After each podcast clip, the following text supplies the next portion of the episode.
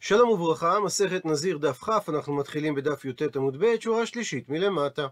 ואומרת הגמרא, קטני רישא, כתוב בתחילת המשנה, שבית שמאי אומרים, לגבי מי שנזר בחוץ לארץ נזירות הרבה מעבר לשלושים יום, והשלים את נזירותו, ואחר כך בא לארץ ישראל כדי להקריב את קורבנות הנזירות, שבית שמאי אומרים שהוא נזיר בארץ ישראל למשך תקופה נוספת של שלושים יום, ובית הלל אומרים שהוא נזיר בתחילה.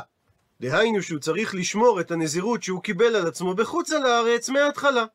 ושואלת הגמרא, לימה באקא מפלגי? אולי נאמר שבדבר הבא הם נחלקו. דבית שמאי סברי.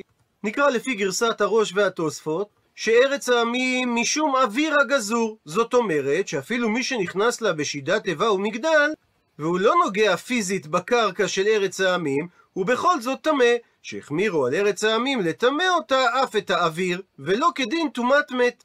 הפכנו דף, ובית הלל סברי, שמשום גושה גזרו, ולכן מי שנכנס בשדת איבה ומגדל הוא טהור.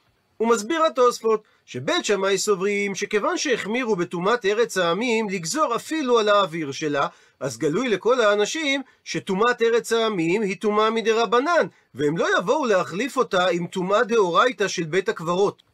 ולכן מספיק שמי שנזר בחוץ על הארץ, יסתור את הנזירות שלו למשך 30 יום נוספים. מה שאין כן בית הלל, שהם סברו שגזרו טומאת ארץ העמים משום גושה. והרי זה זהה לדין קבר, ויש חשש שאנשים יבואו להחליף בין מי שקיבל נזירות בארץ העמים, לבין מי שקיבל נזירות בבית הקברות, ולכן הדין שמי שנזר בחוץ על הארץ, צריך שיסתור את כל הנזירות, כדין מי שנזר בבית הקברות. דוחה הגמרא, לא זו נקודת המחלוקת, מפני שניתן להסביר דכולי עלמא סוברים, גם בית הלל וגם בית שמאי, שטומאת ארץ העמים משום גושה גזרו עליה, ונקודת המחלוקת היא עד כמה חכמים כנסו את מי שנזר בחוץ על הארץ, כדי שאנשים לא יתבלבלו ויחשבו שכך הוא הדין גם למי שנזר בבית הקברות. ובית שמאי סברי בסתם נזירות כניסנה, שמספיק לקנוס אותו בשלושים יום נזירות נוספת, שזה סתם נזירות, ובית הלל סברי כי כניסנה בתחילת נזירות, שקונסים אותו כשיעור כל הנזירות שהוא קיבל על עצמו, למרות שגלוי לכל שטומאת ארץ העמים היא דרבנן, ואינה כשאר טומאת אוהל. ציטוט מהמשנה, מעשה בהלני המלכה וכולי. בדרך כלל כשבציטוט יש וכולי, הגמרא גם תתייחס לווכולי. במקרה שלנו, לדברי רבי יהודה, שחלק על חכמים ואמר שהלני המלכה שמרה רק 14 שנה בנזירות, ועל כך היא בעיה לו. נשאלה להם שאלה על דעת רבי יהודה. האם בשנטמאת ואליבא דבית שמאי הוא אמר את דבריו, או דילמה או עליי, או אמר את דבריו בשלא נטמאת ואליבא דבית הלל.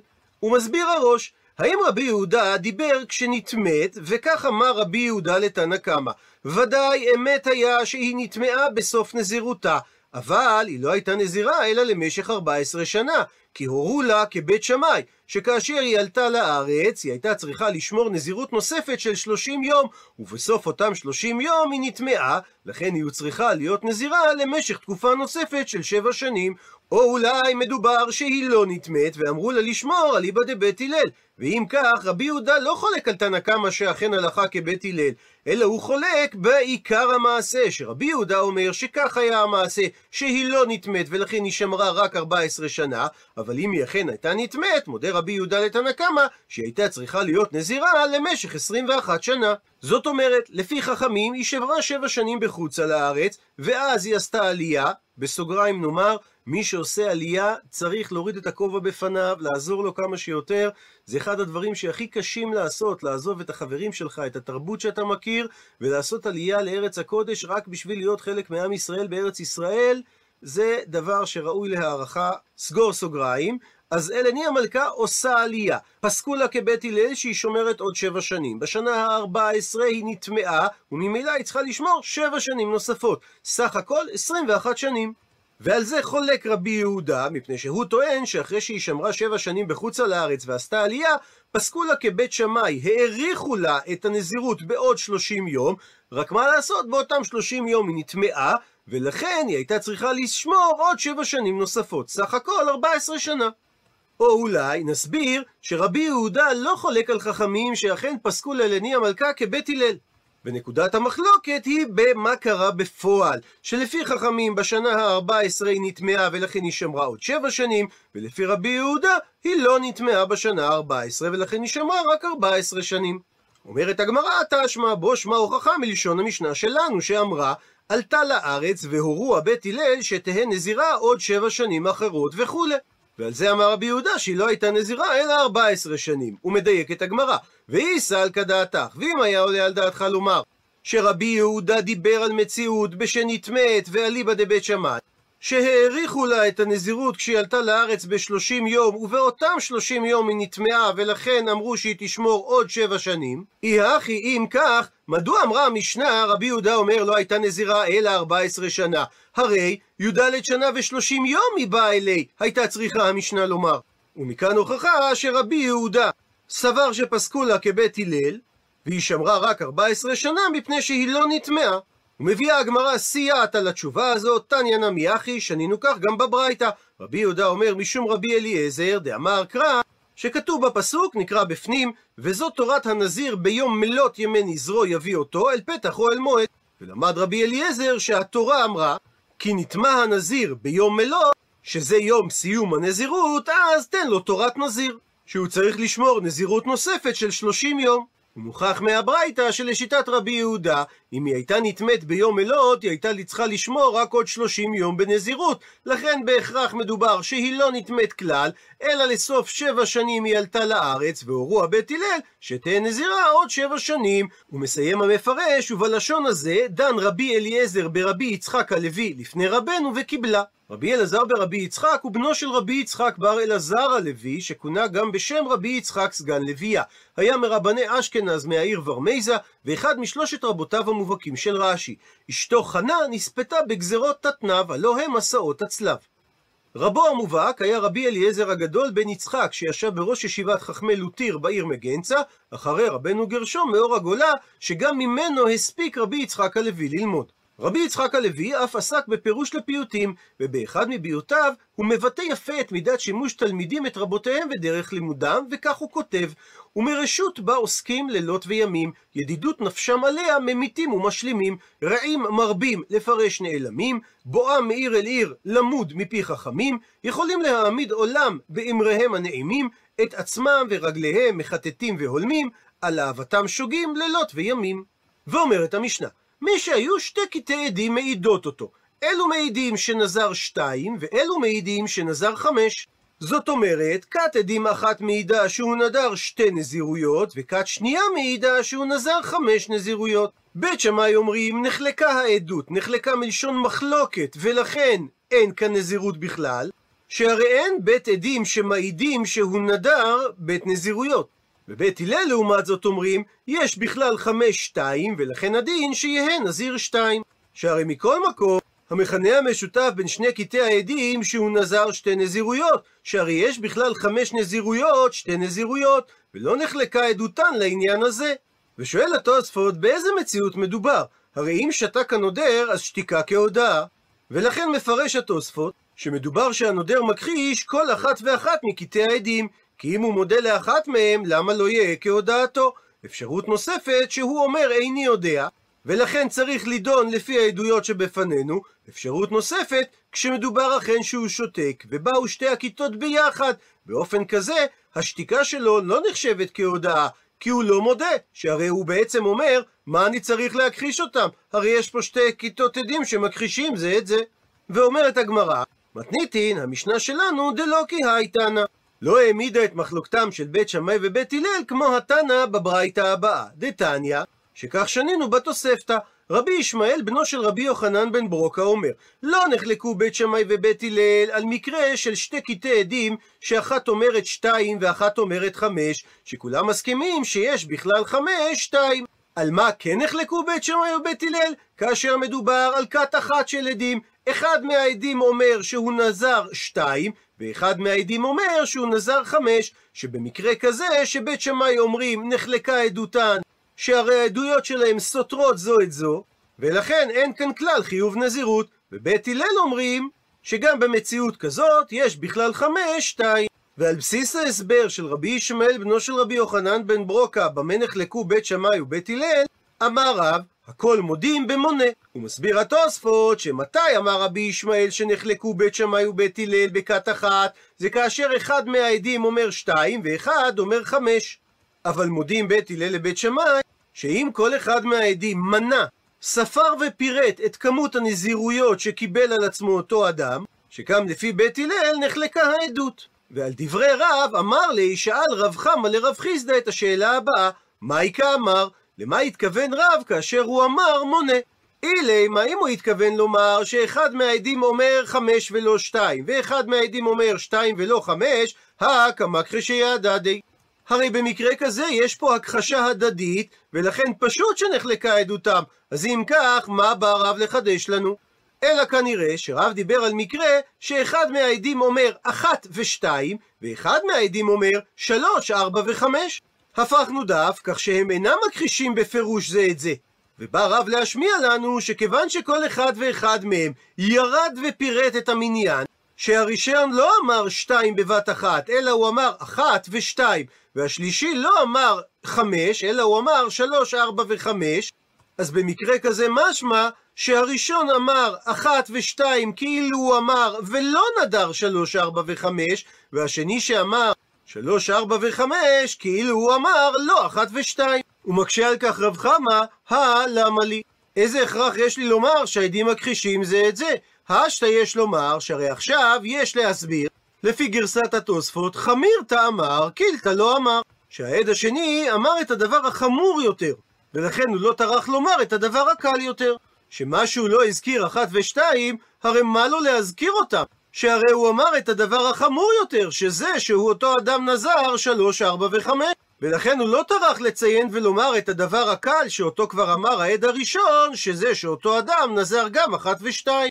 ואם כך, אז אחת ושתיים הם גם בכלל דבריו, והוא מוסיף על דברי העד הראשון.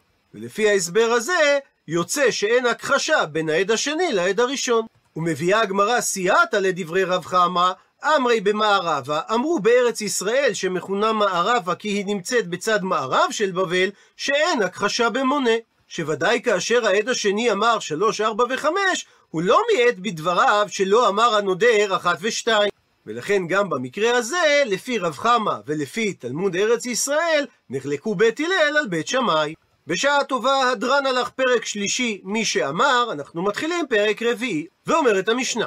מי שאמר הריני נזיר, ושמע חברו ואמר ואני ואני, כולם נזירים. מסביר תוספות, כלומר, שניים שמעו את הראשון שקיבל נזירות, והאחד אומר ואני, וכן השני אומר ואני, במקרה כזה כולם נזירים. וממשיכה המשנה, הותר הראשון, הותרו כולם, הותר האחרון, האחרון מותר וכולם אסורים. הוא מסביר התוספות. אם הראשון בא לחכם והוא התיר לו את נדרו, אז גם האחרונים הותרו, מהסיבה שהם אמרו ואני כמוהו, כך שהם תלו את נדריהם בנדרו. אבל אם מותר האחרון על ידי חכם, אז הוא מותר וכולם אסורים, אם הם לא יתירו בפני עצמם את נדריהם על ידי חכם, שהרי הם לא תלו את נדריהם בנדר האחרון.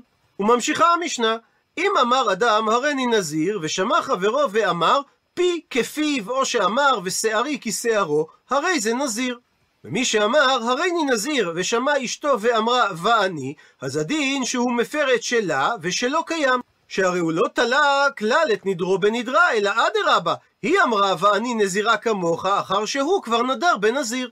אבל במקרה ההפוך, אם האישה אמרה, הריני נזירה, ושמע בעלה ואמר, ואני, אז הדין שהוא אינו יכול להפר. הוא מסביר התוספות שהרי הבעל עוקר את נדר אשתו מעיקרו, ולכן הוא לא יכול להפר לה את הנדר, שהרי אם הוא מפר לה את הנדר, אז הוא מבטל גם את הנדר שלו, שהרי נדרו תלוי בנדרה. כפי ששנינו בתחילת המשנה, שהותר הראשון הותרו כולן. והרי הבעל אינו רשאי לגרום דבר להיות נדרו מבוטל, כמו שכתוב, לא יחל דברו, ודורשים הוא אינו מחל, אבל אחרים אוכלים לו. וממשיכה המשנה על מקרה דומה, אם הבעל אמר הריני נזיר ואת, ואמרה האישה אמן, אז הדין שהוא מפר את שלה ושלא קיים. הוא מסביר התוספות שהבעל אמר לה, האם גם את רוצה לדור בנזיר? והאישה אמרה אמן, זאת אומרת שהיא קיבלה עליה את הנזירות. אז הרי הדין שהוא מפר את שלה ושלא קיים, כי הוא לא תלה את נדרו בנדרה. הוא מעיר תוספות שאם האישה לא אמרה אמן, אז ודאי שהיא מותרת ואינה נזירה, שהרי הבעל לא יכול להדירה בעל כורחה. ומה שהוא אמר לה ואת, זה לא מהווה קיום, שהרי אין הנדר חל עליה, אלא אם היא אמרה אמן. ובמקרה ההפוך, אם האישה אמרה, הריני נזירה ואתה, ואמר הבעל אמן, הדין שהוא אינו יכול להפר. שהרי הנדר שלו תלוי בנדר שלה. ומספרת הגמרא, יתיב ריש לקיש, ישב ריש לקיש, קמי לפני דרבי יהודה נשיאה, ויתיב וכאמר, וכך הוא ישב ואמר, והוא שהדפיסו כולן בתוך כדי דיבור. זאת אומרת שמה שאמרה המשנה וכולם נדרים, זה מדובר שהדפיסו כולם את לשון הנדר בתוך כדי הדיבור של הראשון. וכמה זה תוך כדי דיבור? כדי שאלת שלום. וכמה זה כדי שאלת שלום? כדי שאומר שלום התלמיד לרב שלו. שיש באמירה הזאת שלוש תיבות, שלום עליך רבי. הוא מסביר התוספות, שזה אומר שיכולים רק שלושה אנשים להדפיס עצמן בראשון שנדר בנזיר. שכל אחד אמר ואני, סך הכל שלוש תיבות, וכך אפילו האחרון שאמר ואני, הוא תוך כדי דיבור מהראשון. אבל האדם הרביעי שיאמר ואני, הוא כבר אינו יכול להדפיס עצמו בראשון, שהרי הוא כבר שהה יותר מכדי דיבור מן הראשון, ולכן לא חל נזירות על הרביעי. מגיב על כך, אמר לרבי יהודה נשיא לריש לקיש, טוב לא שווקת רבך לתלמידה.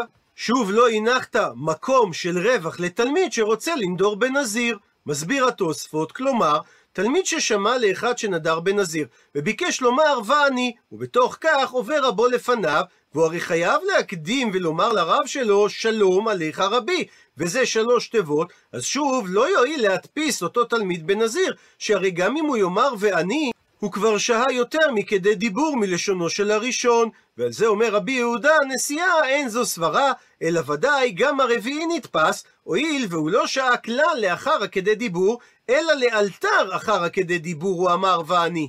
אבל מסכים רבי יהודה נשיאה, שהחמישי ודאי אינו נתפס, שהוא כבר שהה קצת אחר כדי דיבור. הפכנו דף, מביאה הגמרא סייעתא לפירושו של ריש לקיש, שצריך שיהיו הנתפסים בלשון ואני בתוך כדי דיבור. תניא נמי אחי, שכך שנינו גם בתוספתא.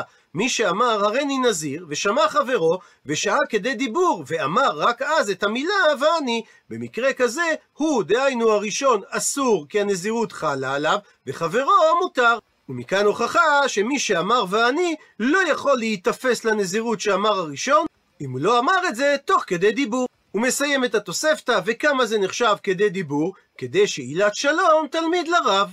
עד לכאן דף כ. למעוניינים בהרחבה, הזכרנו את אלני המלכה. ההיסטוריון היהודי-רומאי יוסף בן מתתיהו, שמכונה יוספיוס פלביוס, הזכיר את אלני המלכה ואת מונבז הבן שלה בכתביו כמה פעמים. בספרו קדמוניות היהודים תיאר יוסף כיצד התגיירה הלני יחד עם בנה בהשפעתם של שני יהודים, ובהמשך הוא תיאר כיצד הם שלחו משלחת צבאית גדולה לירושלים במהלך המרד הגדול כדי לסייע למורדים היהודים. לפי תיאורו של יוסף בן מתתיהו, סוחר תכשיטים מיהודה בשם חנניה או אליעזר, הוא זה שנקלע לחדייב, והוא זה שסיפר לאלני המלכה על עם ישראל ותורתו, והשפיע עליה להתגייר.